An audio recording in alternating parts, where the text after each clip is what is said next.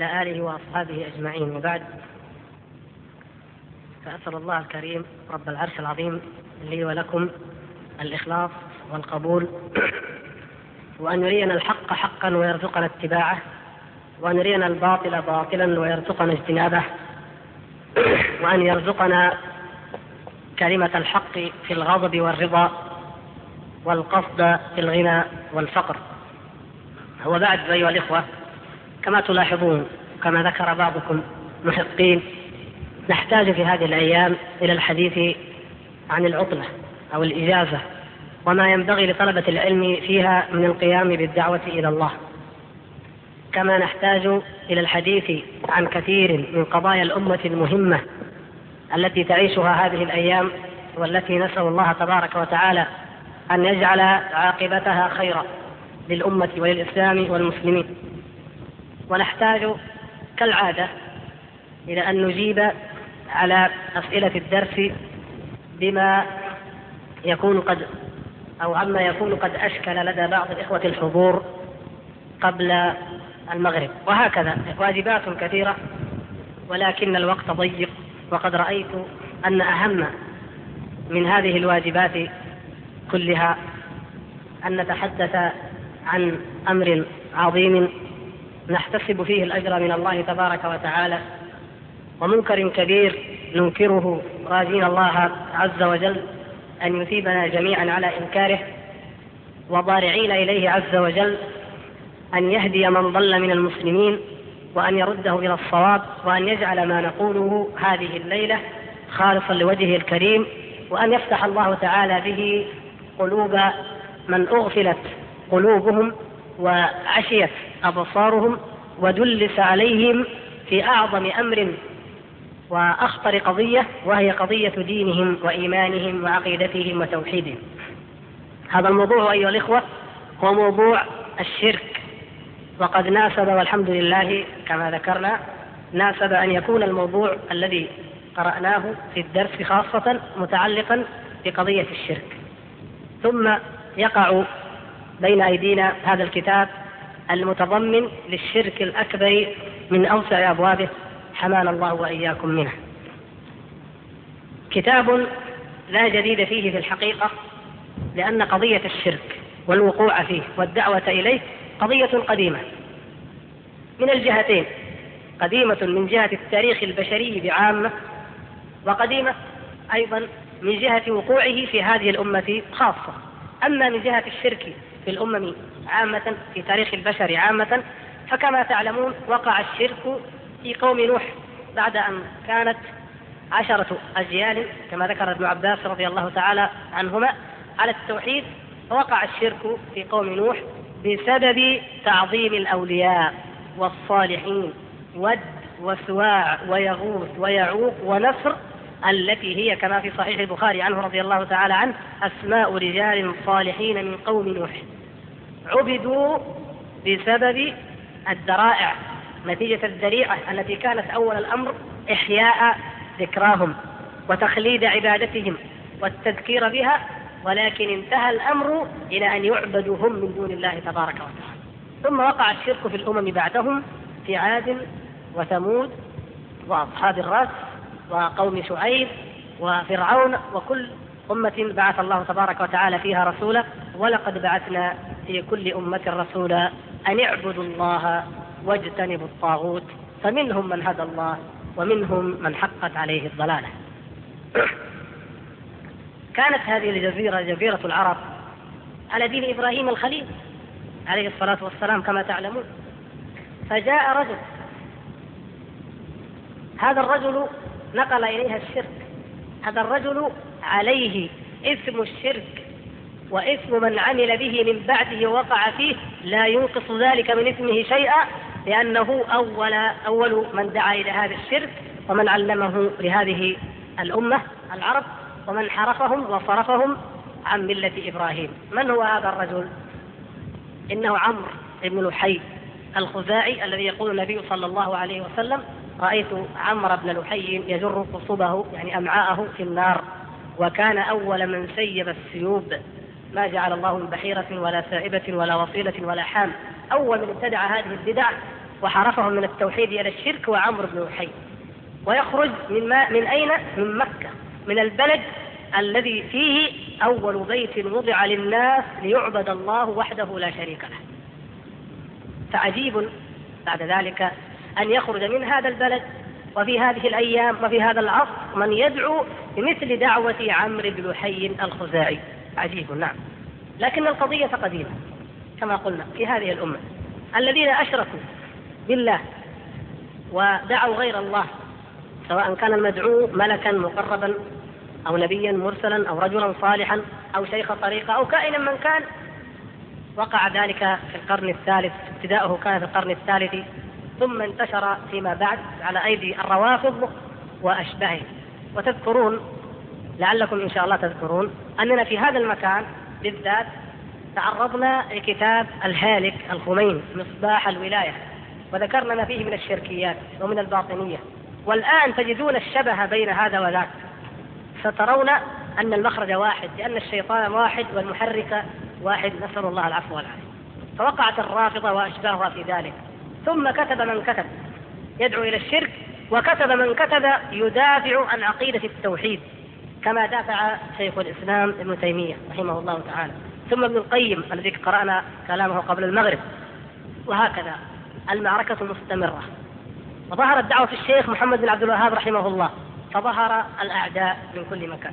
وظهر وأمثاله وظهر أيضا السنة ممن ردوا عليه وكان من آخرهم وأعظمهم وأكثرهم ردودا الشيخ سليمان بن سحمان رحمة الله تعالى عليه بكتب كثيرة رد بها على الشرك والمشركين في العراق وفي مصر وغيرها وهكذا المعركة مستمرة والقضية واحدة. ما هي هذه القضية؟ أن أهل التوحيد يقولون لا إله إلا الله. هذه قضيتهم. أما أولئك فيجعلون مع الله آلهة أخرى. أو يريدون أن يفتحوا الباب ليعبد البشر من دون الله. بذرائع شتى يزعمون المحبة يزعمون التوسل يزعمون التقرب وهكذا كان كل أمة كل الأمم التي وقعت في الشرك. ومنهم الجاهليون الذين بعث فيهم رسول الله صلى الله عليه وسلم قالوا ما نعبدهم إلا ليقربونا إلى الله زلفى القضية واحدة. هؤلاء ويقولون هؤلاء شفعاؤنا عند الله إذا يعرفون قدرهم ويعظمونه ويقولون إنهم شفعاء. المسألة واحدة. هكذا كانوا يلبون في الحج لبيك لا شريك لك إلا شريكا هو لك تملكه وما ملك. فجعلوا الملك لله هو يملكهم ويملك معبوداتهم. لكن يعبدونها أيضا من دون الله توسطا وتزلفا وتقربا إلى الله.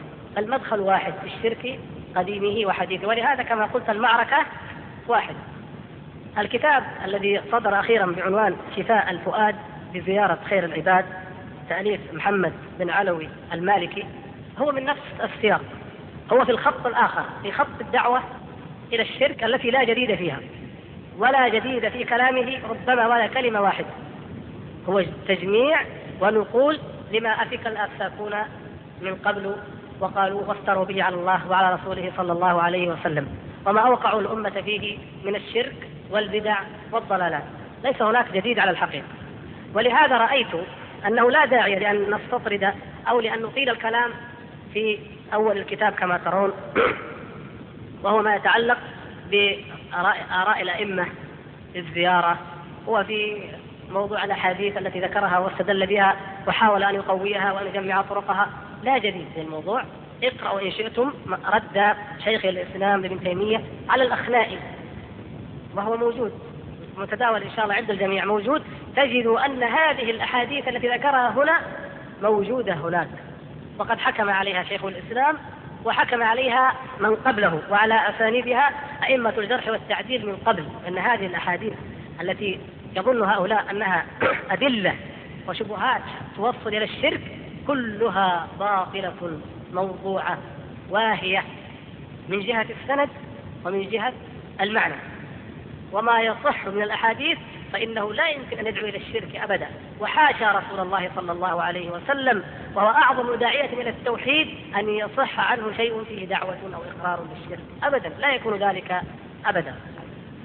لكن نترك هذا ونختصر لضيق الوقت الكلام في الشركيات الجلية الواضحة التي لو حكم أي إنسان عرف الله وقدر الله حق قدره وعرف كتابه وعرف لماذا بعث الله رسله ولماذا أنزل كتبه لعلم أنها من الشرك الجلي أو من الذرائع إلى الشرك الجلي. نعرفها كحقائق وكل إنسان الله سبحانه وتعالى المطلع على قلبه وعلى سره ينظر ويقارن هذه الحقائق التي سنذكرها من هذا الكتاب في في قراءتنا له ليجد أهذا هو دين الله أم أن هذا هو الشرك الذي لا يرضاه الله تعالى أبدا. كل إنسان ينظر ويتأمل.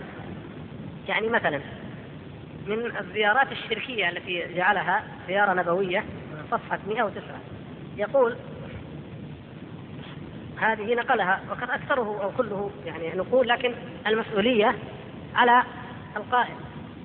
وهو كما تعلمون في كتابه السابق يقول إنه نقول عندما اجتمع به سماحة الشيخ عبد العزيز بن باز حفظه الله وسماحة الشيخ عبد الله بن حميد رحمه الله ورئيس شؤون الحرمين وقالوا كيف تقع هذه الشركيات في كتابك؟ قال هذه نقول نقلتها ويأسف أنه لم لم يبين أنه أن فيها شركيات، طيب الآن ما عذره بعد أن وقعت تلك القضية الكبرى العظمى، ما عذره وقد كرر نفس العمل، فأقول هذا قبل أن يقول قائل أو يقول الكاتب هذا أو الجامع لهذه الشركيات إنه ليس من قولي بل أنت ملزم به وإلا لماذا أوردته؟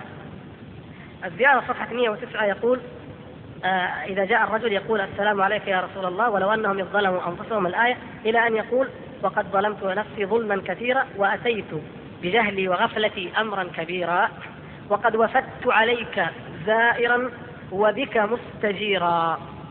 وجئتك مستغفرا من ذنب. انظروا كيف. بمن يستجار؟ بالله سبحانه وتعالى. هذا يجعل الاستجارة بمن؟ برسول الله صلى الله عليه وسلم. ثم يقول فها أنا في حضرتك وجوارك ونزيل بابك وعلقت بكرم نعم فهذا في حضرتك وجوارك ونزيل بابك فاشفع لي وفاشفع لي يا رسول رب العالمين. فاشفع لي يا رسول رب العالمين وشفيع المذنبين. فها أنا في حضرتك وجوارك ونزيل بابك إلى أن يقول أنت الشفيع شعر أنت الشفيع وآمالي معلقة وقد رجوتك يا ذا الفضل تشفع لي. هذا نزيلك. أضحى لا ملاذ له لا ملاذ له إلا جنابك يا سؤلي ويا أملي. أستغفر الله لا ملاذ له إلا من؟ إلا رسول الله صلى الله عليه وسلم. المخلوق صلوات الله وسلامه عليه الذي أمره الله تعالى يقول لا أملك لنفسي ضرا ولا نفعا. يقول هذا لا ملاذ له إلا هو. قال ضيف ضعيف غريب قد اناخ بكم ومستجير بكم. يا سادة العرب. أيضا جمعها ما هو مستجير بكم يا سادة العرب. يا مكرم الضيف يا عون الزمان ويا غوث الفقير ومرمى القصد والطلب. انظروا لغاية أعوذ بالله. هذا مقام الذي ضاقت مذاهبه وأنتم وأنتم في الرجاء من أعظم السبب. سبحان الله العظيم. كيف يكون هذا الكلام؟ كيف يكون هذا الشرك؟ وينسب إلى رسول الله صلى الله عليه وسلم. أنه أن هذا يقال عند زيارته. صفحة 113 من جملة صلاة أخرى أيضا يعني كلامها طويل وكلها كلمات مسجوعه ركيكة سقيمة غير مشروعة ولا واردة. لكن كما قلت نترك البدع وهي كثيرة نتعرض فقط للشرك الواضح. يقول من جملة ما يقول السلام عليك يا معنى الوجود. السلام عليك يا منبع الكرم والجود. معنى الوجود ومنبع الكرم والجود. انظروا هذا الغلو العظيم الذي يصل إلى حد الشرك. ثم يورد أيضا شعرا فيقول فالان ليس سوى قبر حللت به في 114 ملجأ الطريد وملجأ كل معتصم. ملجأ كل معتصم هو القبر القبر. سبحان الله ونعوذ بالله من الشرك وأهله. وقد حططنا لديك الرحل لديه الرحلة همتنا على الصدى نهلة من مورد الكرم نقبل التربة إجلالا لساكنه فكل موطئ أقدام مقر فم هذا عطاؤك. فاغمرنا بمنهله. فقد مددنا أكف الفقر والعدم. وإن رمتنا الخطايا وسط مهلكة فأنت ملجأ خلق الله كلهم. انظروا هذا الشرك من هو ملجأ الخلق كلهم؟ أليس رب العالمين تبارك وتعالى؟ هذه بدهيات يعني تناقض شهادة أن لا إله إلا الله التي نتعبد الله تبارك وتعالى ونقولها. ونحمد الله سبحانه وتعالى على ذلك. ثم يقول في 117 وحين يجدد التوبة إلى آخره ويقرأ الآية أيضا يقول مما يعلمه يقول آه فليس لنا شافع غيرك نؤمله ولا رجاء غير بابك نصله. ما أين الله؟ تعالى الله عما أين الله؟ وأين باب الله؟ وأين رجاء الله؟ إلى أن يقول في نفس الصفحة صلاة أخرى الحبيب علي بن محمد الحبشي أو الحبشي. إيش يكون الحبشي؟ إيش يكون؟ رسول نبي إله تعالى الله عما يقولون. من يقول حتى ناخذ كلامه هكذا؟ ثم انظر ماذا يقول هذا الحبشي. اللهم صل وسلم على سيدنا محمد أول متلق لفيضك الأول. أيوة. الفيض الأول هذه من فين جابها؟ تذكرتم كلام الخميني؟ الباطنية. الفيض الأول. هذه من الباطنية والفلاسفة اليونان القدماء. ثم أخذوا أول متلقي لفيضك الأول. إذا ليس الرسول صلى الله عليه وسلم عندهم. ما هو كما نعتقد كما يعتقد انه بشر خلقه الله سبحانه وتعالى وولد من الأم والأبي في سنة كذا في عام الفيل ثم ثم نشأ يتيما ثم رباه ثم أوحى الله إليه. لا أول متلق لفيضك الأول. يعني هذا كائن أزلي قديم موجود قبل المخلوقات تلقى الفيض لأن الباطنيين يعتقدون أن العقل الكلي والنفس الكلية وهذا العقل الكلي أو الواجب الأول العقل الذي هو العقل الكلي يفيض على النفس الكلية. الشرك عندهم ثلاثي عقل كلي ونفس كلية والإمام المعصوم. وسيأتيكم هذا الشرك الثلاثي في مواضع أخرى من كلام هذا الرجل نسأل الله العفو والعافية. ويستمر هذا الرجل في كلامه فيقول آه، يعني يصلي عليك صلاة نشهدك بها آه، نشهدك نشهدك بها من مرآته. ونصل بها إلى حضرتك من حضرة ذاته. شوف نشهد يعني يشهد الله من مرآة رسول الله صلى الله عليه وسلم. هذا الحلول. نعوذ بالله. ونصل بها إلى حضرتك من حضرة ذاته. هذا أيضا من الحلول. قال قائمين لك وله شوفوا كيف قائمين لك وله بالأدب الوافر مغمورين منك ومنه بالمدد الباطن والظاهر. شوفوا الشرك مغمورين منه من من الخالق والمخلوق سواء بالمدد الباطن والظاهر. إذا الفيض هذا تلقى الفيض ويمد والمدد واحد والفيض واحد والمرآة واحد. هذه عقيدة الباطنية الذين ذكرنا أنهم أعلى طبقة من طبقات الكفر عياذا بالله. إلى أن يقول اللهم اكشف عني حجب الأغيار. اللهم اكشف عني حجب الأغيار. الأغيار كل ما عدا الذات التي يتوحد فيها يعني هذه نظرية هندية قديمة. قد يطول المقام يعني في شرحها لكن يعتقدون أن العابد يعذب نفسه حتى يتحد بالذات العليا. إذا حصل اتحاد انتهى كل شيء. فكل ما عداها فهو من الأغيار. يكشف عنه حجب الأغيار حتى تكون الذات واحدة. طيب يقول اللهم أفض على روحي. يعني تذكروا هو قال الفيض الأول من الذي تلقاه؟ الرسول صلى الله عليه وسلم. طيب انظروا كيف. اللهم أفض على روحي ما أفضته على روح الكامل من هذه الأمة. يسمون النبي صلى الله عليه وسلم الكامل. الآن أثبت الفيض الأول له صلوات الله وسلامه عليه. وبعدين انظروا سوء الأدب والإهانة والتنقص برسول الله صلى الله عليه وسلم. بعد الغلو يقول أفض على روحي ما افضت على روحه. عجيب إذا تكون مثله. نبيا رسولا مثله يقول إيش؟ وهب لي زهدا كزهد الكامل وورعا كورعه وعلما كعلمه ونورا كنوره وفهما كفهمه واقبالا كإقباله. أعوذ بالله. هل يجرؤ أحد أن يسأل الله أن يجعل له مثل هذه الأمور؟ علم كعلم رسول الله صلى الله عليه وسلم ونور كنور رسول الله صلى الله عليه وسلم وفهم كفهمه وإقبال كاقباله إلى آخره. أعوذ بالله. هذا غاية التنقيص لمقام رسول الله صلى الله عليه وسلم. لكن يا إخوان هذا له أصل أصل خبير غير هذا. ما هو؟ عند هؤلاء الباطنيين النبوة يمكن أن تكتسب.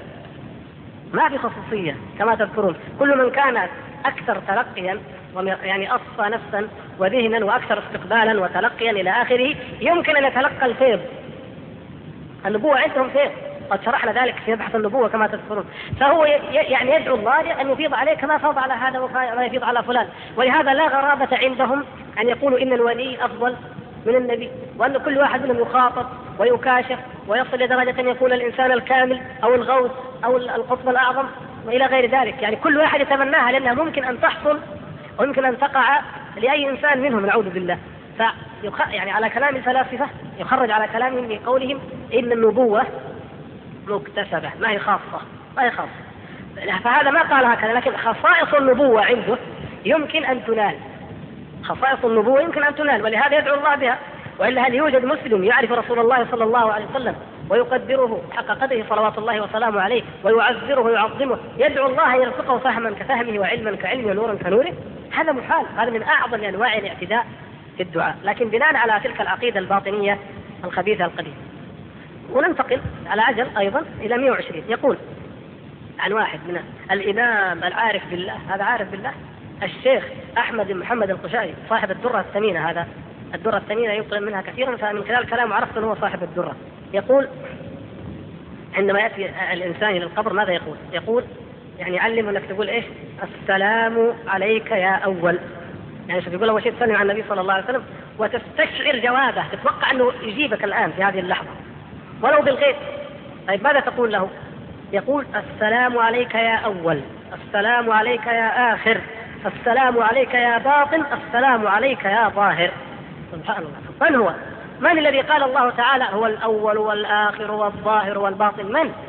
ولماذا قال تعالى هو أو هو؟ هو قدم الضمير للاختصاص ليس غير لا أحد سواه. الأول والآخر والظاهر والباطن هو الله تبارك وتعالى لا يشركه بذلك أحد كائنا من كان. لكن حتى تعلموا أن هذا الكلام يقررونه سيأتي إن شاء الله في صفحة 126 ما يؤكد أنهم يعتقدون أن الأسماء مشتركة. يعني يطلق على النبي صلى الله عليه وسلم من الأسماء ما يطلق على الله تعالى. نفس الأسماء واحدة عياذا بالله. غاية الشرك كما آه، تحدثنا قبل الوقت. أعظم الشرك انهم يشبهوا المخلوق بالخالق سبحانه وتعالى في كل شيء حتى في أسمائه وصفاته. اذا لم يعد إلها واحدا. اذا أين لا إله إلا الله؟ ما عاد إله واحد. يشترك معه في الأسماء والصفات. ننتظر حتى نراها لأن قبلها شيء من الشركيات الأخرى.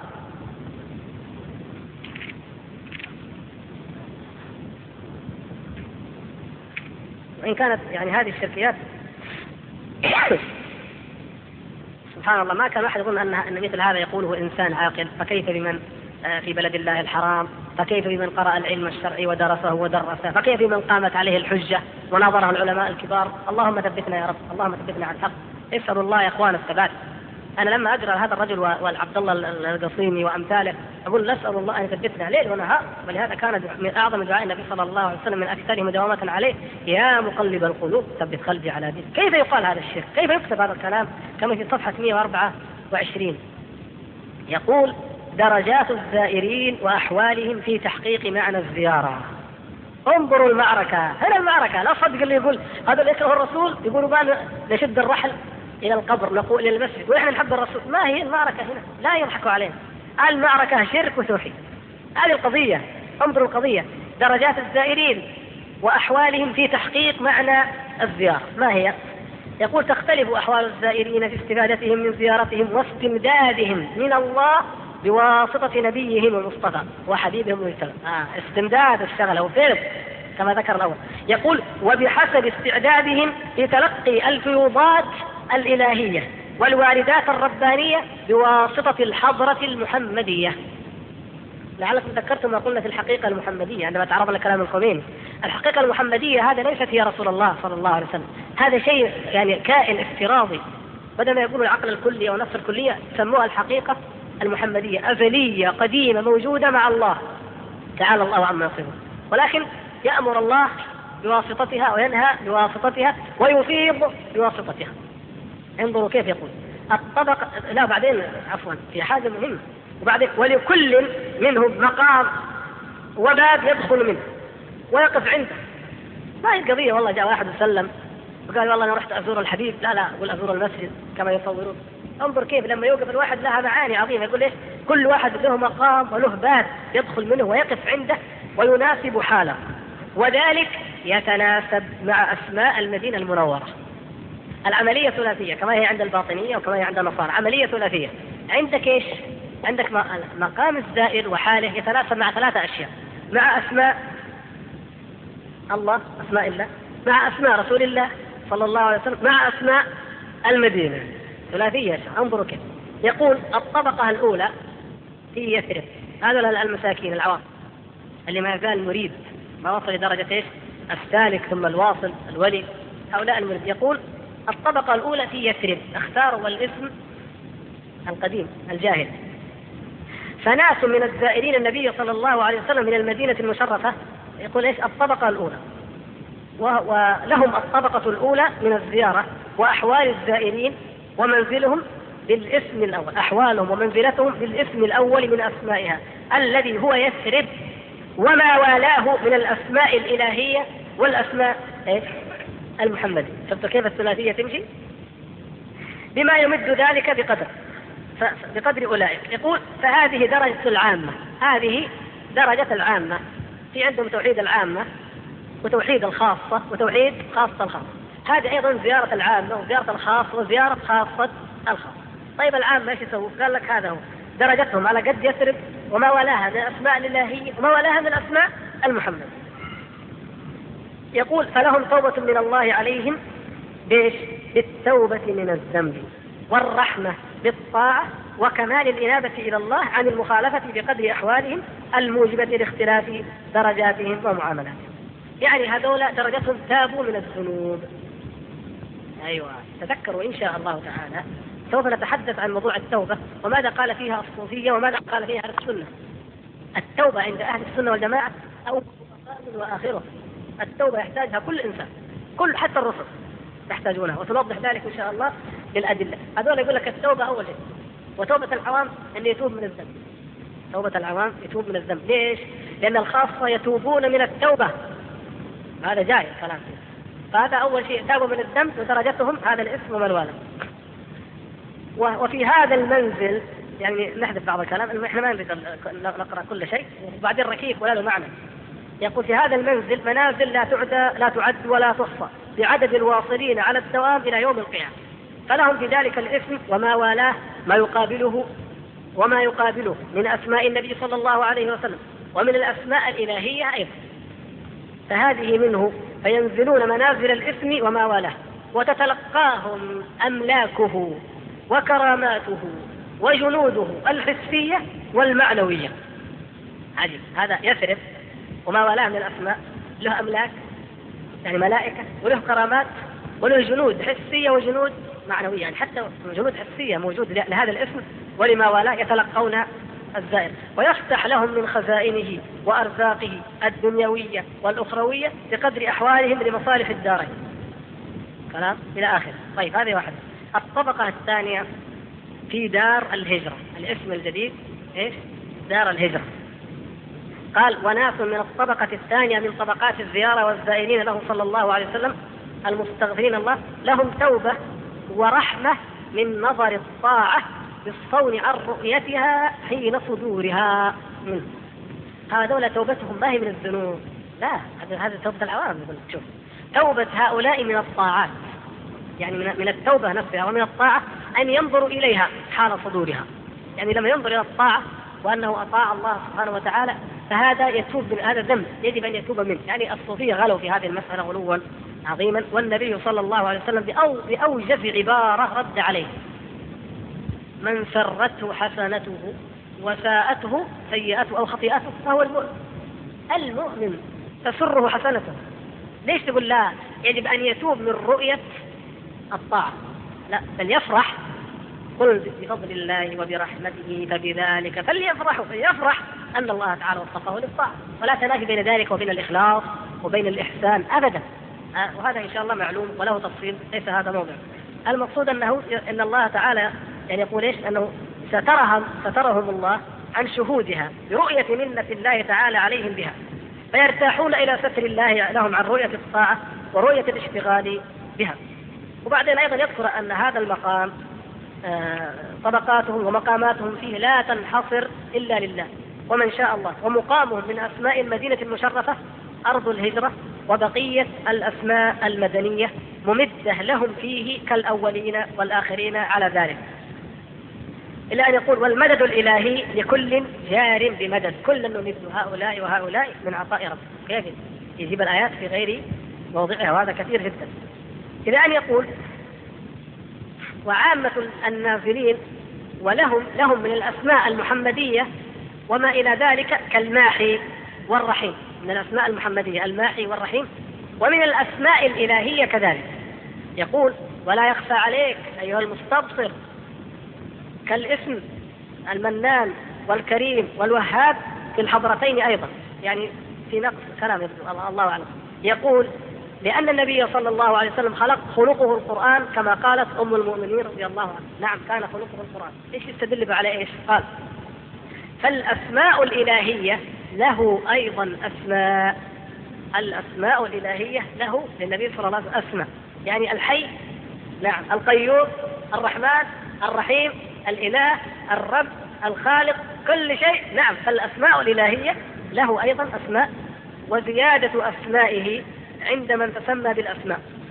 وله زيادة له أسماء طبعا ليست لله. إذا من الإله الأفضل الأكبر الآن؟ ها؟ أي اسم لله فللنبي صلى الله عليه وسلم. وبعدين وله زيادة طبعا. يعني محمد محمود مثلا أو طه يكون أسماءهم كثيرة. هذه ليست من أسماء فقط. إذا النبي صلى الله عليه وسلم له أسماء الله وله زيادة أسمائه. إذا من الإله؟ يعني لما قالت الثانوية المجوس قالوا إلهين النور والظلمة. من هو الأفضل منهما؟ النور لأن له صفات أفضل. إذا سبحان الله يقول فبعض الأسماء سار في جميع الحضارات وهو الغالب وبعضها يخص بعض الحضارات بوجه ما وذلك قليل. طيب هذا شيء. باقي فيه أطم من هذا الطبقة الثالثة ما انتهى الشرك ولا انتهى الدرجات نعوذ بالله نعوذ بالله.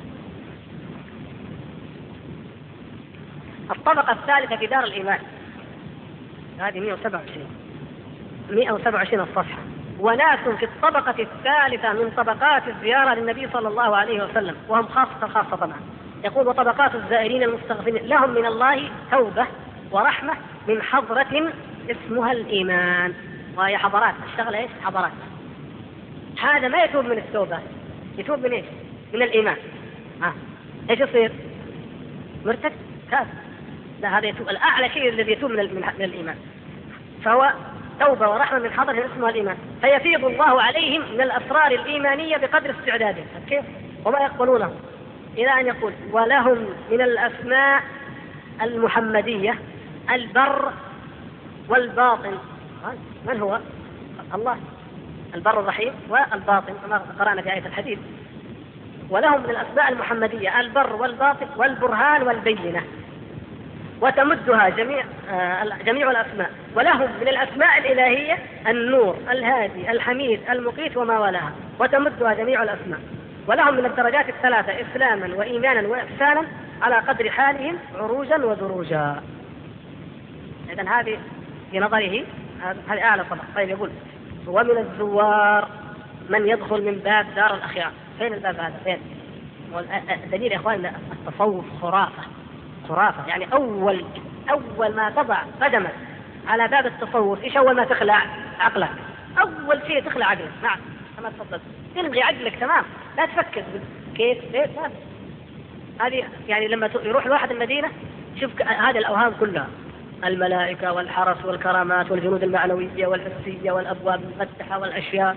ما يعني شيء ما يصدق لكن إذا ما صدقت تكره الرسول. انتبه. أعوذ بالله. يقول لك كذا تكره يعني تحبه صدق بكل هذه الخرافات والشركيات كأنك دخلت والعياذ بالله هذه هوليود وأمثالها اللي كلها خيالات سينمائية. وهذه أشد وأعظم ما أفحش فيقول من الزوار من يدخل من باب دار الأخيار ومنهم من يدخل من باب دار الأبرار ومنهم من يدخل من باب دار الفتح. نعم عندكم شيء؟ عندكم علم من الله؟ ائتون بكتاب من قبل هذا أو أثارة من علم. في شيء؟ من أين من أين لكم هذه التعريفات؟ هذه الأبواب. ومنهم من يدخل من باب ذات الحجر. وبعدين افتكروا في طبقة رابعة أهم من الثلاث كلها. قال ومن طبقات الزائرين طبقة المفتقرين إلى الله في جميع الحالات. يعني اعلى من اللي قبل. خرافات كلها ما تقدر تميزها بالعقل الواقفين على باب رسول الله صلى الله عليه وسلم بالذل والافتقار في جميع الفقرات استغفر الله أعوذ بالله أعوذ بالله من هذا الشرك الأكبر. الذين لا يأوون إلى أنفسهم في حالة من الحياة من الحالات ولا حياة لهم إلا سيد السادات. أصل حياتهم حياة. تدرعا به عنهم وهؤلاء لهم من الله رحمة وتوبة وفيض. إذا هذا رابع غير ذي من باب اسمه الدرع. مستمد من اسم المدينة المنورة الدرع. فين الاسم هذا؟ وفين الباب؟ وكيف الدرع هذا صار أعلى من دار الهجرة ودار الإيمان؟ المهم صدق أو لا تصدق؟ مش مهم. المهم أنك تكون من الأتباع وإلا فأنت عدو للزيارة وعدو للحديث. ونعوذ بالله ومن من انعقد قلبه على ذرة من كراهية النبي صلى الله عليه وسلم أو عداوته وبغضه فإنه كافر. الحمد لله. عندنا كافر لا حظ له بالإسلام أبدا. هم يقولوا هؤلاء يخالفون في الزيارة ويخالفون وهداهم الله مسلمين يكرهون الرسول هداهم الله. ما في هداهم الله. من كره الرسول صلى الله عليه وسلم فهو كافر. إلا تكون الهداية من باب أن يهديه لأن يؤمن. كفر هذا. لكن هذا هذا مقام عنده. وبعدين يقول ثم تتنوع تلك الطبقات برضه بحسب الأبواب العلية المستمدة من الأسماء المدنية إلى ما شاء الله من المداخل والمراتب فمنهم جماعة في باب سيدة البلدان ومنهم جماعة في باب الشافية ومنهم جماعة في باب طابة ومنهم في باب طيبة. وكلهم يفيض الله عليهم منه توبة ورحمة بقدر وسعهم واستعدادهم ونواله وإفضاله. والله غفور رحيم. وذلك فضل الله يؤتيه من يشاء. والله ذو فضل عظيم. نعم. لكن والله إن هذا هو الشرك وهذا هو التخريف وهذا هو الدجل والباطل. وبعدين قاعد يتكلم عن إيش؟ أنها إجارة. وانه الواحد يجوز إنه يأجر. وبعدين يجيب كلام تيمية وكلام العلماء. يعني كلام لا نريد ان ان نخوض فيه بل نقتصر بضيق الوقت جدا على ما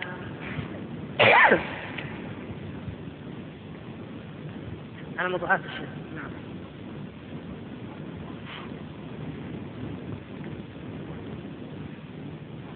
يقول وفي التجاء الناس إلى الأنبياء في ذلك اليوم يعني يوم القيامة عندما يذهبون إلى أولي العزم من الرسل كما مر معنا في حديث الشفاعة كما تذكرون إن شاء الله. أدل دليل على التوسل بهم في الدنيا والآخرة. في الدنيا والآخرة. وأن كل مذنب يتوسل إلى الله عز وجل بمن هو أقرب إليه منه. وهذا لم ينكره أحد. هذا شرك إيش؟ الوسائط الذي تكلم عنه ابن القيم قبل كما قرأنا قبل. التوسط هذا. ولا فرق. يقول لا فرق بين أن يسمى ذلك تشفعا أو توسلا أو استغاثة. أيوة شوف. المهم كله ماشي عنده. وليس ذلك من باب تقرب المشركين إلى الله تعالى بعبادة غيره. فإن ذلك كفر. طيب وبعدين؟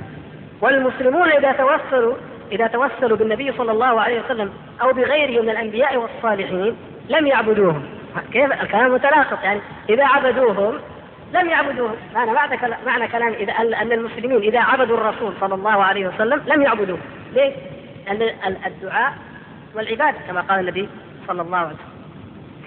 والاستغاثة والاستجارة وغير هذه من أنواع العبادة والرجاء. فإذا كان الذي يستغيث ويستجير ويدعو ويرجو رسول الله صلى الله عليه وسلم يعني يعني يعبده لم يعبده تتناقض لا. هذا كما قال حذيفة رضي الله تعالى عنه. نعم أبناء عم لكم اليهود. ما كان من حلوة فهي لكم وما كان من برة فهي لهم. يعني الشرك لا لا شرك اليهود. صحيح.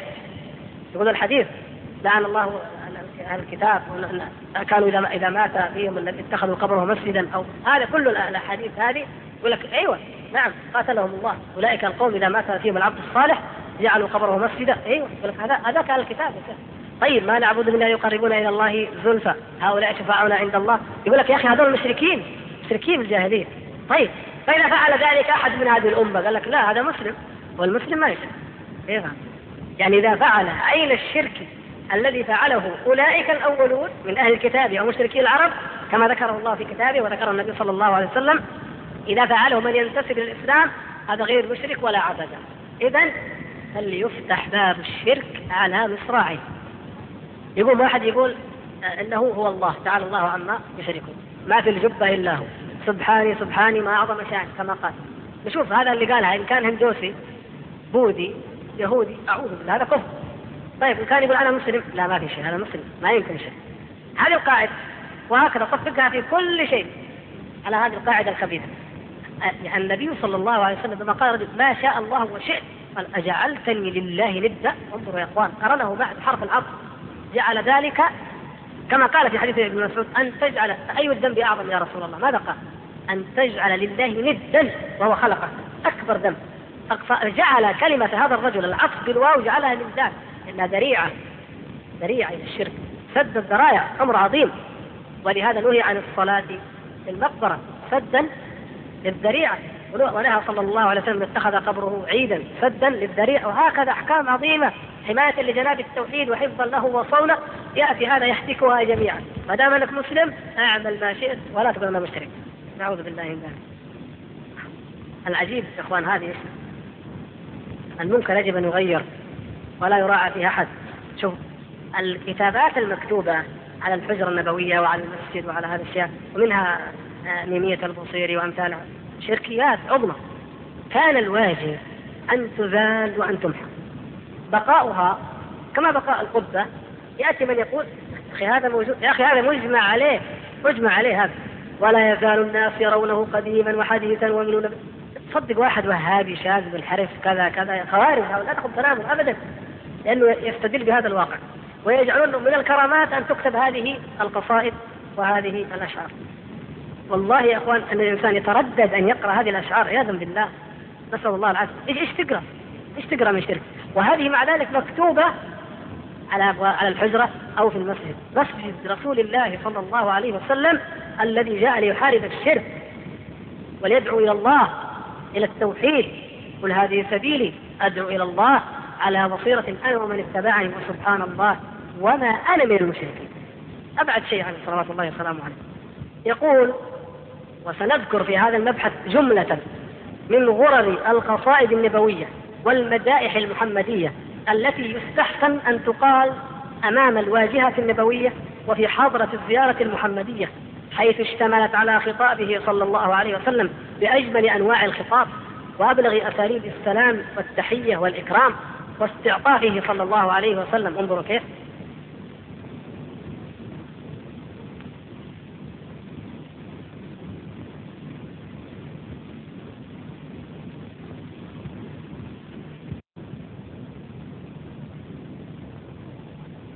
حيث اشتملت على خطابه صلى الله عليه وسلم بأجمل أنواع الخطاب وأبلغ أساليب السلام والتحية والإكرام واستعطافه صلى الله عليه وسلم. انظروا كيف. استعطافه بذكر خصائصه ومناقبه الحميدة ومزاياه وشمائله الفريدة. إذا كل ما فيها حق وصحيح ومزكى وطيب وشمائل هذا تزكية لها. ونبدأ بذكر القصائد الثلاث التي حظيت بأن كتبت في المسجد النبوي الشريف وداخل الحجرة المكرمة. ثم نذكر بعدها جملة منتخبة من غرر القصائد والمدائح. هذه مقدمة كلام في هذه الأشعار.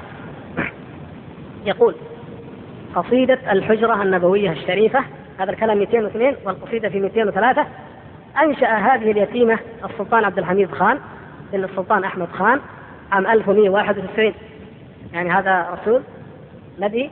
من هو هذا أحمد خان؟ بن إيه؟ عبد الحميد خان بن أحمد. من يكون؟ ولو أنشأها. ما ما دلالة ذلك على أنها من ديننا وتستحسن وتقال ويستعطف بها إلى آخره. وأمر أن تنقش يعني إيش؟ يقول واستحقت استحقت بإخلاص ناظمها. عجيب. وحبه الصادق حب. شوفوا جعلوها حب هي هي شرك. لسيدنا رسول الله صلى الله عليه وسلم أن تنقش على الحجرة النبوية الشريفة. استحقت أن تنقش. وقد استخرجت من كتاب تركي قديم هو مرآة الحرمين لأيوب صبري باشا. يقول أول شيء يا سيدي يا رسول الله خذ بيدي ما لي سواك ولا ألوي على أحد. استغفر الله. أعوذ بالله. استغفر الله. هذا الشرك خذ بيدي ما لي سواك ولا ألوي على أحد. من من المدعو غير استغفر الله. فأنت نور الهدى في كل كائنة وأنت سر الندى يا خير معتمد. وأنت حقا غياث الخلق أجمعين. شفتوا كيف؟ عياذا بالله أعوذ بالله. وأنت هادي الورى لله بالمدد. يا من يقوم مقام الحمد منفردا للواحد الفردي لم يولد ولم يلد. إلى أن يقول إني إذا سامني ضيم يروعني. ماذا يفعل إذا سامه الضيم يروعه؟ أقول يا سيد السادات يا سندي. أعوذ بالله. ما يقول يا رب؟ ما يقول يا إله العالمين. ما يقول يا حي يا قيوم برحمتك أستغيث. كما علمنا رسول الله صلى الله عليه وسلم وكما كان يقول. لا يقول إيش؟ يا سيد السادات يا سندي. أعوذ بالله. كل شفيعا إلى الرحمن. من زللي وامن علي بما لا كان في خلدي. وانظر بعين الرضا لي دائما أبدا واستر بفضلك تقصيري مدى الأمد واعطف علي بعفو منك يشملني فإنني عنك لم أحدي أبدا ما في غيره يرجو العفو منه ويطلب منه المغفرة أو هذه المطالب. نعوذ بالله من الشرك. إني توسلت بالمختار هذا ما هو توسل هذا شرك أكبر. أشرف أشرف من رقى السماوات سر الواحد الأحد رب الجمال. تعالى الله خالقه فمثله في جميع الخلق لم أجد. خير الخلائق أعلى المرسلين ذرا ذخر الأنام وهاديهم إلى الرشد. به التجأت. شوف أعوذ بالله. به التجأت. لعل الله يغفر لي. هذا الذي هو في ظني ومعتقدي. لا هذا هذا معتقد باطل. ومن رجاه فهو خائب خاسر. وقدمنا إلى ما عملوا من عمل فجعلناه هباء منثورا. إذا كان اعتقاده أنه يلجأ إلى الرسول صلى الله عليه وسلم ولا يلجأ إلى الله. وبعدين الله ما شاء الله. انتبهوا يعني الحقيقة تحقيق جيد. يقول تنبيهان مهمة. الأول يقول اعلم أن البيت الحادي عشر من هذه القصيدة قد أفرد بالكتابة على شباك الحجرة النبوية أمام دكة الغوات عشان لا تغلط. أي في جهة المحراب المعروف بمحراب التهجد. والبيت المذكور هو رب الجمال تعالى الله خالقه فمثله في جميع الخلق لم أجد. الثاني بعض أبيات هذه القصيدة مطموس بالدهان. والأبيات التي طمست هي البيت الأول والثاني والثالث والسادس والسابع والثامن والتاسع والعاشر والثالث عشر. يعني التي تقريبا يمكن فيها الشرك مطموسة بالدهان. يعني لعل إن شاء الله نية أو فاعل خير أو يعني إنسان احتسب الخير عند الله من عمل مشروع أو من نفسه طمسها فيقول لك شوف انتبه. يعني هذه الأبيات تراها مطموسة. يعني أنت خذ الحقائق من فين الكاملة من فين تأخذها؟ من عندنا من الكتاب. ما تروح تقرأ الأبيات الواضحة اللي ما فيها شرك وتترك الشرك. هو الأساس. هذا هنا موجود. نعوذ بالله من دعاة الضلالة. ولهذا قال الله تعالى ليحملوا أوزارهم كاملة يوم القيامة. ومن أوزار الذين يضلونهم بغير علم ألا ساء ما يزرون. بالله كم يحمل هؤلاء؟ كم من الحجاج كم من الجاوة من الهنود من العوام؟ عندنا هنا عوام كثير. كم؟ ما هو عوام ترى يعني اللي ما يقرأ ولا يكتب. يمكن يكون وزير كان عامي عامي بالنسبة للشريعة والدين ما يعرف التوحيد ولا يعرف الشرك ولا يعرف البدعة ويقوده وراه مقوده يروح بكل مكان ويعرف الأبيات المطموسة والأبيات الموجودة. هذا هو. ليحملوا أوزارهم كاملة الذين يدعون إلى الشرك الصريح ومن أوزار الذين يضلونهم بغير علم. كما صرح بذلك الحديث المعلوم. وبعدين القصيدة الوترية البغدادية أمام الحجرة النبوية. برضو يقول هذه القصيدة العصماء هي إحدى القصائد التي وضعها برضو فلان الزاهد محمد بن أبي بكر الرشيد البغدادي المتوفى سنة 662 برضو لا هو برسول ولا إمام يحتج به ولا يعتبر كلامه مهما كان ومهما قال. وقد حظيت أن ينقش أكثرها أمام المواجهة النبوية الشريفة على الجدار القبلي حول الشباك وحتى جدار متنزل الوحي عندهم أسماء لكل شيء كما نقش في ثلاثة قباب في الروضة الشريفة وشمالها القنديل الشرقي الأحمر. انتبهوا لا أحد يرى عندنا القنديل الأخضر. يعني بيعلم الناس أعوذ بالله هذا. يقول بنور رسول الله أشرقت الدنيا ففي نوره كل يجيء ويذهب. آه براه جلال الخلق للخلق رحمة فكل الورى في بره يتقلب. بدا مجده من قبل نشأة آدم وأسماؤه من قبل من قبل في اللوح تكتب. طيب بأقدامه في حضرة القدس قد سعى. بأعلى السماء أمسى يعني بعزته بعزته سدنا على كل أمة. وملتنا فيها النبيون ترغب. به مكة تحمى به البيت قبلة به عرفات نحوها النجب تجذب. برياه طابت طيبة ونسيمها فما المسك ما الكافور؟ رياه أطيب. يعني الذي يحمي مكة ويحمي المدينة وعرفات تنجذب لماذا؟ به. من أجله. لمن أنت يا حاد الركاب مزمزم؟ أرى القوم سكرى والغياهب تذهب. بدور بدت بل لاح وجه محمد. إلى أن يقول بأرواحنا راح الحجيج وكلنا نشاوى كأن الراحة في الركب تشرب. بطيبة حط الصالحون رحالهم. وأصبحت عن تلك الأماكن أحجب بذنبي بأوزاري حجبت بزلتي متى يطلق العاني وطيبة نقرب؟ بذلي بإفلاسي بفقري بفاقتي. إليك رسول الله أصبحت أهرب. شوفوا كيف؟ بذلي بإفلاسي بفقري بفاقتي. إليك رسول الله أصبحت أهرب. إلى من يكون المهرب والملجأ؟ إلى الله كما ذكر الله. نعم. بجاهك أدركني إذا حوسب الورع نسأل الله شوف كيف يفرض فإني عليكم ذلك اليوم أحسب بمدحك أرجو الله يغفر زلتي ولو كنت عبدا طول عمري أذنب. مهما خاض في الشرك المسكين أظن أنه بهذه المدائح الشركية وإن فعل الشرك أو الذنوب فإنه يغفر له. بعدين القصيدة الحدادية الداخلية للحجرة النبوية. ويقول هذه القصيدة العصماء للإمام شيخ الإسلام قطب الدعوة والإرشاد الولي الكبير العارف بالله تعالى الشهير السيد الحفيظ النسيب كلها كل الألقاب الواحد الشيخ عبد الله بن علي الحداد الحسيني الحضري الشافعي المتوفى سنة 1132 طيب كل الأوصاف هذه عشان أين علمه؟ أين دعوته؟ أين جهاد يعني من أجل ماذا؟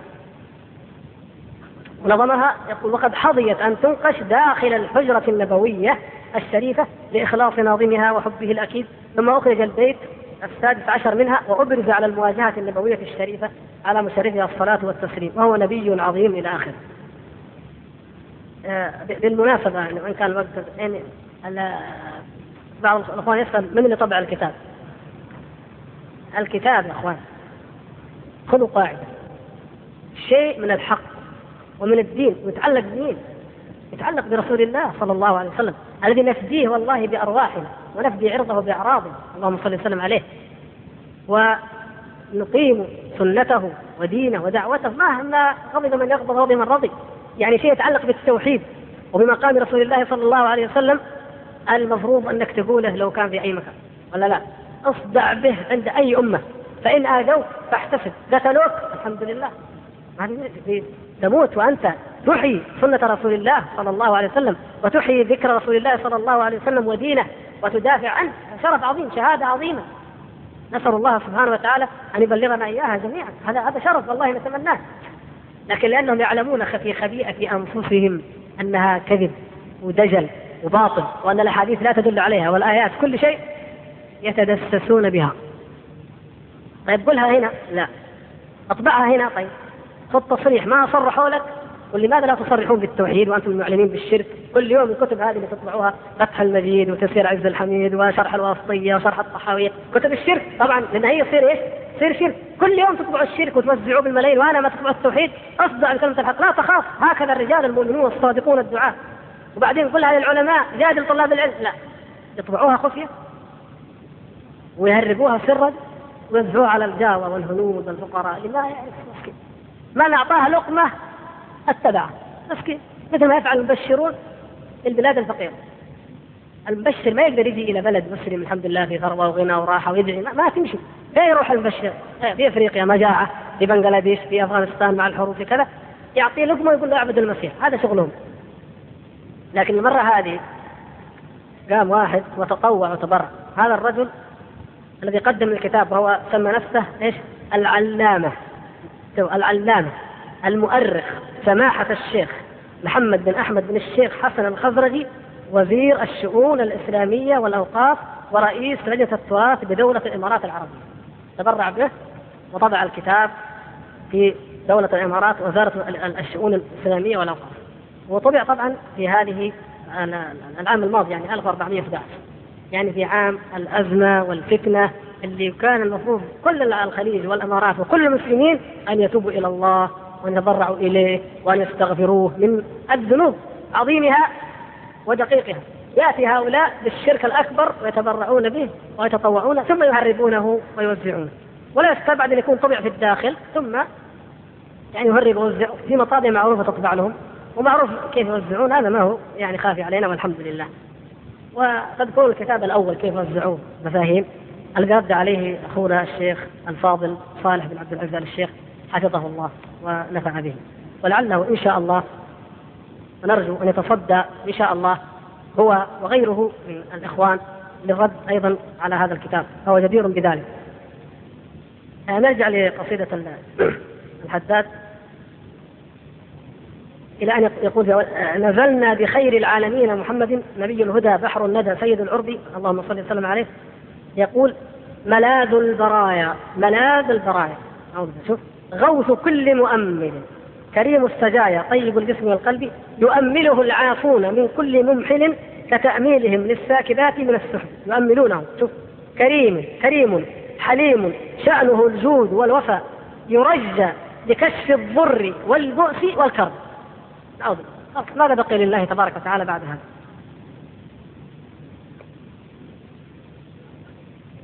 إلى أن يقول نبي عظيم خلقه الخلق. خلقه الخلق الذي له عظم الرحمن في سيد الكتب وأيده ألا, ألا يا رسول الله إنا قرابة وذرية جئناك بالشوق والحب وقفنا على أعتاب فضلك سيدي لتقبيل ترب حبذا لك من ترب وقمنا وقمنا تجاه الوجه وجه مبارك علينا به نسق الغمام لدى الجد أتيناك زوارا نروم شفاعة إلى الله في محو الإساءة والذنب. انظروا كيف يقول وفي النفس حاجات وثم مطالب نؤمل أن تقضى بجاهك يا محمد. توجه رسول الله في كل حاجة لنا ومهم في المعاش وفي القلب. يقول يبغى يقضي له كل حاجاته في معاشه وفي آخرته. القلب يعني من قلبه الآخرة. يعني اقض لنا كل شيء في الدنيا والآخرة. تعالى الله عما يشركون. وإن صلاح الدين في القلب وإن صلاح الدين والقلب سيدي هو الغرض الأقصى. فيا سيدي قم بي. أستغفر فهمت كيف الشرك هذا؟ يعني يطلب من رسول الله صلى الله عليه وسلم أن يصلح قلبه ويصلح دينه. لا حول ولا قوة. إنك لا تهدي من أحببت ولكن الله يهدي من يشاء. ما يملك النبي صلى الله عليه وسلم ضرا ولا رشدا لا له ولا لغيره. وإنما صلوات الله وسلامه عليه هاد يهديهم يبين لهم يدعوهم إلى الله.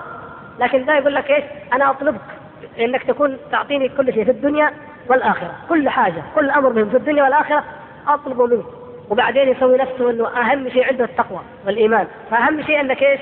إنه يصلح قلبه. تعالى الله عما يشاء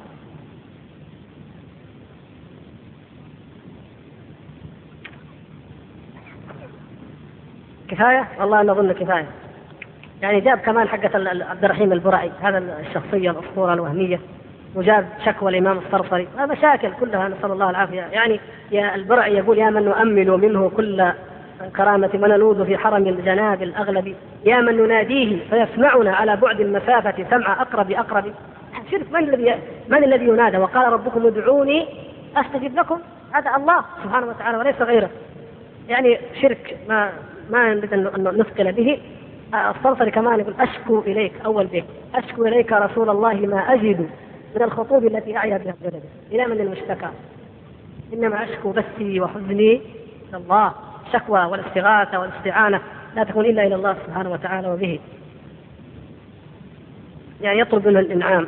وهذه أيضا قصيدة الغرناطي والبرعي مرة ثانية والنبهاني أعوذ بالله عدا النبهاني كل كل شركيات كتب كلها من أولها إلى آخرها. والله ان الواحد يا إخوان أستغفر الله أستغفر الله بس كثيرة لكن والله الواحد ما يقدر يقراها ولا يقدر يكملها. ولولا ضرورة اننا نتعرض لها تنبيها فقط وتذكيرا وإقامة للحجة وإبراء للذمة ما كان يليق بهذه أن تقرأ ولا أن تعرض. لكن ربما يقال لماذا يعني تعادون فلان؟ ولماذا تبالغون فيه؟ ورجل يقول يعني تاب ورجع ولماذا لا تفتحون له باب الرجاء ولماذا؟ من المعاذير والعلل حتى يعرف الناس هذه الحقيقة. هذا الكلام بعد مرور السنين والمدة الكافية على كتابته الأولى. يرجع فيخرج هذا الكتاب. نسأل الله العفو والعافية والسلامة. إنه سميع مجيب. باقي وقت؟ نعم. نرجع الآن إلى أسئلتكم.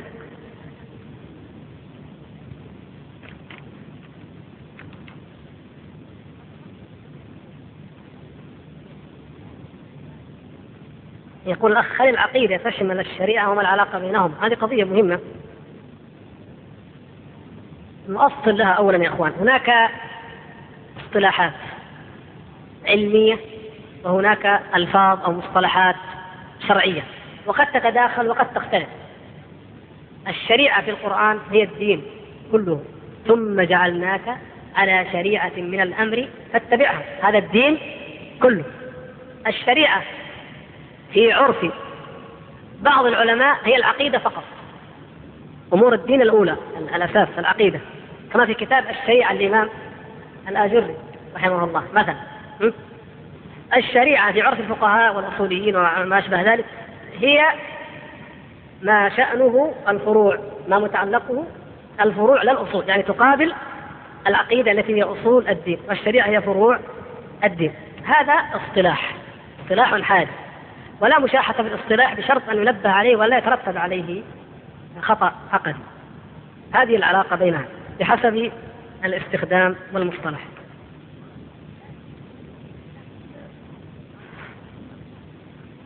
طيب هذا خبر أو إعلان أنه درس الشيخ الدكتور محمد بن صامل السلمي غدا إن شاء الله يفتان في يوم الاثنين بمسجد التقوى بعد صلاة المغرب تراجم ودراسة سير العلماء. نرجو حق الجميع. والله هذه يا أخوان نعمة. يعني أرجو أن تقدروا مثل هذه العلوم وهذه الدروس حق قدرها. يعني شيخ متخصص والحمد لله في التاريخ والرجال هذا العلم العظيم الذي شرف الله تعالى به هذه الأمة. الرجال والإسناد علم عظيم. فيأتي أخ متخصص فيه يعرض علينا سير العلماء الذين كما قال فيهم بعض السلف إذا ذكر الصالحون افتضحنا. متى نعرف قدرنا؟ متى نعرف قدر أنفسنا؟ الناس الآن يقولوا هذا متشدد. متطرف ومتمسك. الشيطان يخليك تصدق. والله ما دام أنا أقوم أصلي الفجر والله أنا متشدد وزوجتي مغطيه وجهها والله أنا متشدد برا ولا عندي رصيد في البنك. أنا خرجت عن حدود صرت متطرف مثلا. لكن هذه واجبات يعني يفعلها الإنسان العادي. إذا إذا عرف الصالحون وقرأت سير العلماء المجاهدين العباد القانتين الأوابين الذين كانت قلوبهم مع الله وحياتهم لله ولا يخافون في الله لومة لائم وين تجد نفسك لا شيء لا شيء. فهذه سير هؤلاء العلماء فيها العلم فيها الموعظة فيها العبادة فيها التقوى إن شاء الله تعليم التقوى. فيها التعليم كيفية الدعوة والأمر والنهي عن المنكر ففيها من الخير ما لا يحصى وأنا أغبط الإخوة الذين يستطيعون أن يحضروا بل أن يقرأوا سير هؤلاء العلماء. انظروا لما قرأنا في موضوع الخوف سير بعضهم. كيف قلوبنا؟ سبحان الله. فكذلك ينبغي على الإخوان بارك الله فيهم. انتهى؟ طيب اليوم فقط نجلس بين دول الإقامة لأن ما جينا على الأسئلة حقت استثناء ما تخلوا قاعدة.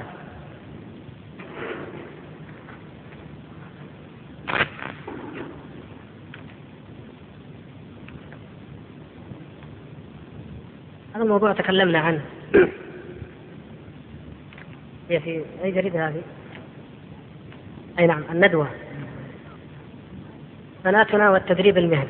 هذا كاتب نسأل الله أن يهدي كم قد أخذ من العلقات؟ بلاش نجيب اسمه لكن هو معروف يعرف نفسه. كم أخذ علقات؟ ما هو راضي يتأدب ولا هو راضي يفهم. كل ما يخرج من ورطة يجعل كتب عن يعني كلام عن الصلح مع إسرائيل في كلام منتهى الإساءة وجاه ما كفاه أو ما ما أدري كفاه ولا ما كفاه.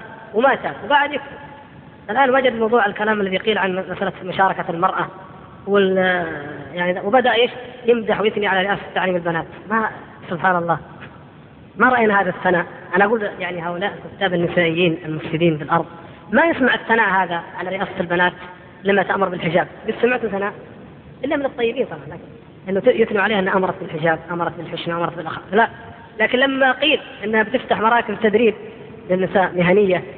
زي ما قلنا يعني يعني ميكانيكا وكهرباء ونجاره وإلى آخره يمكن بنشر حتى يعني قالوا الرئاسة شوف كيف المشاركة الوطنية التي صاغها قرارها الناضج الواعي التي صاغها قرارها الشيخ الناضج الواعي. ماذا المدح هذا ما عهدناه. المقصود أنهم يريدون الإسراع في تنفيذ هذا المشروع. الإسراع ما يعد المسألة ما تتحمل. يعني الشباب كلهم توظفوا والأولاد كلهم في أعمالهم الحمد لله وكل شيء وما بقي إلا هالمساكين استحمل وين الاسراع؟ هل أسرعنا بتوظيف الشباب العاطلين؟ هل أسرعنا بفتح مجالات عمل لهم؟ هل أسرعنا بالتخلص من العماله؟ أحيانا لما يجي واحد من الرياض ويكون طيارة جاية مواصله من برا ما تلقى مقعد تطلع كلها مليانه عمال عمال إيش؟ يقولوا الطفرة راحت الشركات غلقت وهذا جايين فين؟ جايين ليه؟ برضه ما يزال ومن دول أكثرها إما كفار أو لا يفهمون من الدين شيئا ثم يراد أن تخرج المرأة المسلمة. على كل حال ها؟ ويبغى تعمم صحيح يعني تعمم يعني في جميع وما هذه الخطوات العلمية التي سيشهد بها تاريخ تعليم البنات إلا إلا دليل على نضوج ووعي القرار وصانعيه ونأمل المزيد إلى آخر هذا الهراء. فعلى كل حال هذا منكر يجب أن ينكر على الجريدة وعلى كاتبه وإن كان ما أظنه يعتبر آه، هناك إعلانات مكتب الدعوة الأمر المعروف والنهي عن المنكر الندوة الثانية. آه، كيف تكون مؤثرة للشيخين تيسير؟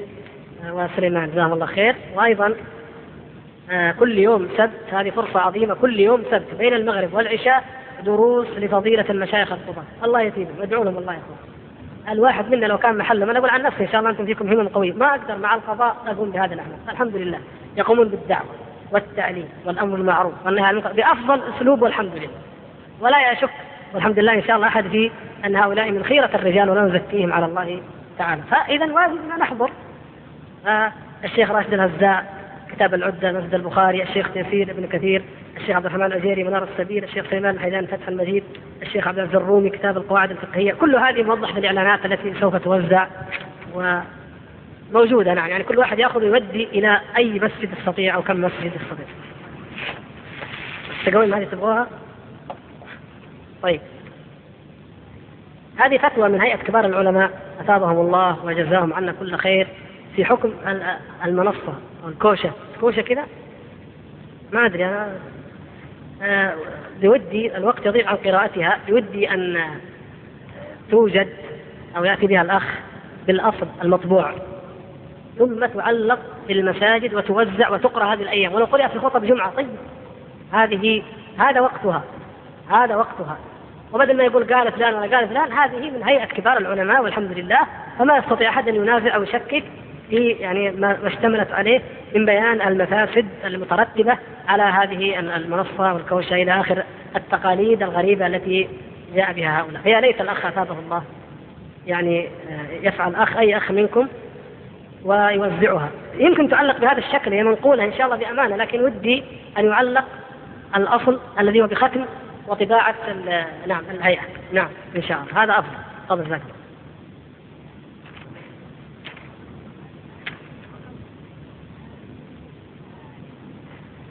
الأخ يقول ما الفرق بين الروافض والفلاسفة في أصول الدين؟ الروافض في أصول الدين معتزلة مع ما عندهم من شركيات. والفلاسفة أعلى أكثر يعني في الكفر يعني أو أنزل نقول في, في دركات الكفر من هؤلاء. ولكن بعض كلام المعتزلة والروافض يعني يشتمل على أصول من أصول الفلاسفة اليونانيين وغيرهم. الأسماء اللي تطلق عليها اسمهم الشيعة يسمون الشيعة لكن هم أصناف منهم الباطنية في جنوب الجزيرة العربية ولبنان ومنهم الإمامية الإثنى عشرية الجعفرية في إيران ومنهم الزيدية في اليمن ومنهم ال ال أيضا الإسماعيلية والزهرة وهم من الباطنية. هذه كلها فرق أو آه، العلوية كما يسمون في سوريا يسمون العلوية أو النصيرية وهي فرقة من غلاة الروافض خارجة من الملة عن الملة كما تعلم. هذه الدول تجد بها كما سأل الأخ. يقول أخ هل المتكبر يعتبر مشركا؟ وإن كان كذلك فما حكم عمله؟ هل هو باطل أم مقبول؟ لأننا سمعنا كلام رسول الله صلى الله عليه وسلم لا يدخل الجنة من كان في قلبه مثقال ذرة من كبر. فقال يعني هل هو مشرك؟ نقول الكبر إن كان صارفا ومانعا لصاحبه عن أصل الدين وأصل الإيمان فهو كافر مشرك. نعم. وأما إن كان كبره مانعا له عن بعض حقوق الإيمان وحقوق التوحيد ولوازمه فهو من أصحاب الكبائر. فهذا بحسب اذا حاله. كما قلنا في الرياء إن كان الرياء في أصل الإيمان كما كان رياء كثير من المنافقين في عهد النبي صلى الله عليه وسلم. يعني آمن رياء هذا كافر. وإن كان آمن حقا لكن رياؤه في في صلاة أو صيام أو بعض العبادات ويعتريه ثم يذهب فهذا من ضعف إيمانه ومن أهل الكبائر. صاحب البدعة يكون مشركا وحكم عمله عموما. البدع متفاوتة منها ما يدخل في في الشرك ومنها ما يدخل في المكروهات ومنها ما هو بين ذلك درجات كبرى وقد فصلنا ذلك فيما مضى. بعض الأسئلة تتعلق بكتاب محمد علوي هذا الله المستعان. ليتها يعني بعض الإخوان يطالب بالاستتابة ويطالب بحد الردة. نقول يا ليت لكن الله المستعان. حد الردة هذا أهمله المسلمون. قد نقول من قرون الله أعلم. ولذلك ظهرت الشيوعية وظهرت البعثية وظهرت الحلولية. ليش ظهرت هذه الأفكار الإلحادية الكفر؟ لأن ما في حد ردة. لو كان حد الردة يقام ما أعلن أحد بالكفر أو الشرك. أو على الأقل يعني يستتاب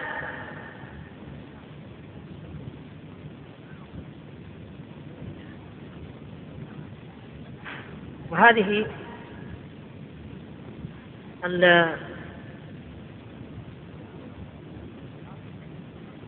بعض الرسائل مؤلمة ومحزنة أكثر من كونها أسئلة خاصة ما يتعلق بالموالاة ونظرة بعض ضعاف الإيمان إلى الكفار وإعجابهم بهم. نسأل الله العفو والعافية. هل يقول رجل توكلت على الله ثم عليك؟ هذه العبارة في رأيي أنها لا تنبغي ولا تقال. وقد وجدت من نص على ذلك من العلماء وإن كنت وجدت من قال إنه لا بأس بها كأنه يقول أستعين بالله ثم بك فيكون فيما يقدر عليه المخلوق. لكن فيما يبدو لي وأرجح والله أعلم أن التوكل أخص من مسألة الاستعانة مع أن الاستعانة في الفاتحة إياك نعبد وإياك نستعين. والتوكل قرنه الله سبحانه وتعالى بالإيمان في مواضع. قل هو الرحمن آمنا به وعليه توكلنا وغيره. فالتوكل الذي أرى أن التوكل لا يكون إلا على الله وحده. ويقول توكلت على الله فقط. ثم يقول مثلا إذا أريدك أنك تعمل هذا الشيء وأتوكل على الله لأن التوكل على الله آه، شيء خارج عن الأسباب لا ينافيها. لكن الأخذ بالسبب شيء والتوكل أمر زائد على السبب. فعندما تطلب من المخلوق شيئا فيما يقدر عليه هذا إيش؟ سبب. ومع هذا السبب تتوكل على الله سبحانه وتعالى. هذا الذي أنا أرجحه والمجال مفتوح من لديه فائدة فليفدنا يقول الاخ لما ذكرنا هذه الآية ذلكم ظنكم الذي ظننتم بربكم أرداكم نحن بعيدون لم نعرف في من نزلت. أي في من نزلت الآية؟ وقالوا لجلودهم لم شهدتم علينا؟ قالوا أنطقنا الله الذي أنطق كل شيء. إلى أن قال وما كنتم تستترون أن يشهد عليكم سمعكم ولا أبصاركم ولا جلودكم ولكن ظننتم أن الله لا يعلم كثيرا مما كنتم تعملون. وذلكم ظنكم الذي ظننتم بربكم. الإخوان أجابوا بأن المقصود هو اعتقادهم أن الله لا يعلم وأنه غير قادر على أن ينطق جلودهم وسمعهم وأبصارهم كما في سورة فصلت. فمن فاتته الآيات فهذه موضعها. هل من يتهم نفسه بأنه ليس من أهل الجنة؟ فإن كان يعمل صالحا وهو مؤمن وأنه من أهل النار منافق من سوء الظن بالله آه، لا يموتن أحدكم إلا وهو يحسن الظن بربه كما قال صلى الله عليه وسلم. وكما قال في الحديث الصحيح القدسي ابن آدم إنك ما رجوتني ودعوتني غفرت لك على ما كان منك ولا أبالي. فالواجب أن نحسن الظن بالله سبحانه وتعالى ونتهم أنفسنا. ونعتقد أننا إن أدخلنا الجنة وهذا ما ندعوه دائما من الله سبحانه وتعالى فهو بفضل الله ورحمته.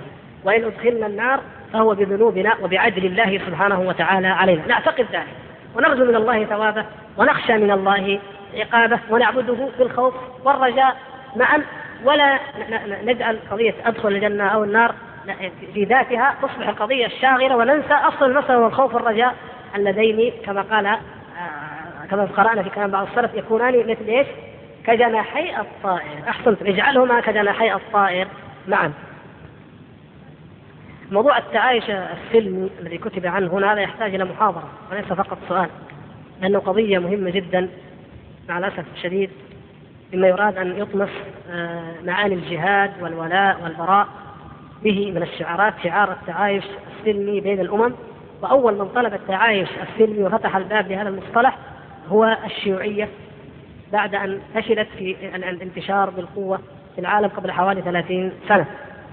يعني دعا لها خرتشوف أكثر من دعا إلى هذه الفكرة هو خرتشوف هذا المجرم الخبيث. ثم جاء بريجينيس وأتباعه من بعد. لعل الله يعني يسمح يعني بوقت إن شاء الله في هذا.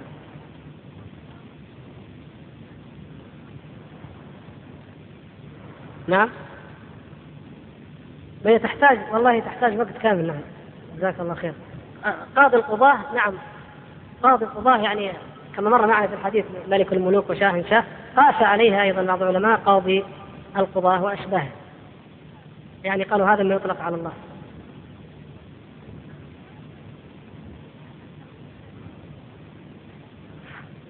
طيب وبعضها ملاحظات و يعني منكرات بعض ما كتبتم وليس اسئله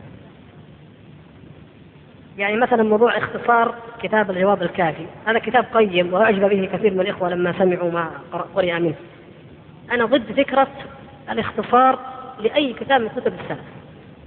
واسمحوا لي أن أقول هذا. يا إخوان نحن نريد أن نرتفع بذهن القارئ إلى أن يتناول كلام السلف الصالح ويعرف مصطلحاته. إذا كان كما يقول إخوان سندوتشات قربنا له كل شيء العقيدة والفقه والأحكام والحديث سندوتشات ما متى يجي واحد يعني يعمل لنا مائدة وليمة كبيرة؟ نقعد على سندوتشات فطور غدا عشاء كل يوم إلى أن نموت؟ ما يمكن هذا. ما يمكن يا إخوان. نريد أن نتلقى العلم من منابعه لا نقرأ عبارات نفهم مصطلحات تجري ألفاظهم على ألسنتنا. فهي والله ألفاظ طيبه وعبارات نيره وحكم ويعني أوتوا من من الأساليب والبيان والفهم العميق لكتاب الله وسنة رسوله صلى الله عليه وسلم الشيء الكبير. ما نستطيع نحن أن نعبر عنه. وأستغفر الله العظيم لي ولكم. والحمد لله رب العالمين. قامت بتسجيل هذه المادة تسجيلات الآثار الإسلامية جدة حي السلامة مركز الزومان التجاري أمام مسجد منصور الشعيبي. هاتف رقم ستة ثمانية ثلاثة صفر خمسة ستة خمسة. ومن يشاقق الرسول من بعد ما تبين له الهدى ويتبع غير سبيل المؤمنين نوله ما تولى ونصله جهنم. نوله ما تولى ونصله جهنم وساءت مصيرا إن الله لا يغفر أن يشرك به ويغفر ما دون ذلك لمن يشاء ومن يشرك بالله فقد ضل ضلالا بعيدا إن يدعون من دونه إلا إناثا وإن يدعون إلا شيطانا مريدا. لعنه الله وقال لأتخذن من عبادك نصيبا مفروضا. ولأضلنهم ولأمنينهم ولآمرنهم فليبتكن آذان الأنعام ولآمرنهم فليغيرن خلق الله ومن يتخذ الشيطان وليا من دون الله فقد خسر خسرانا مبينا.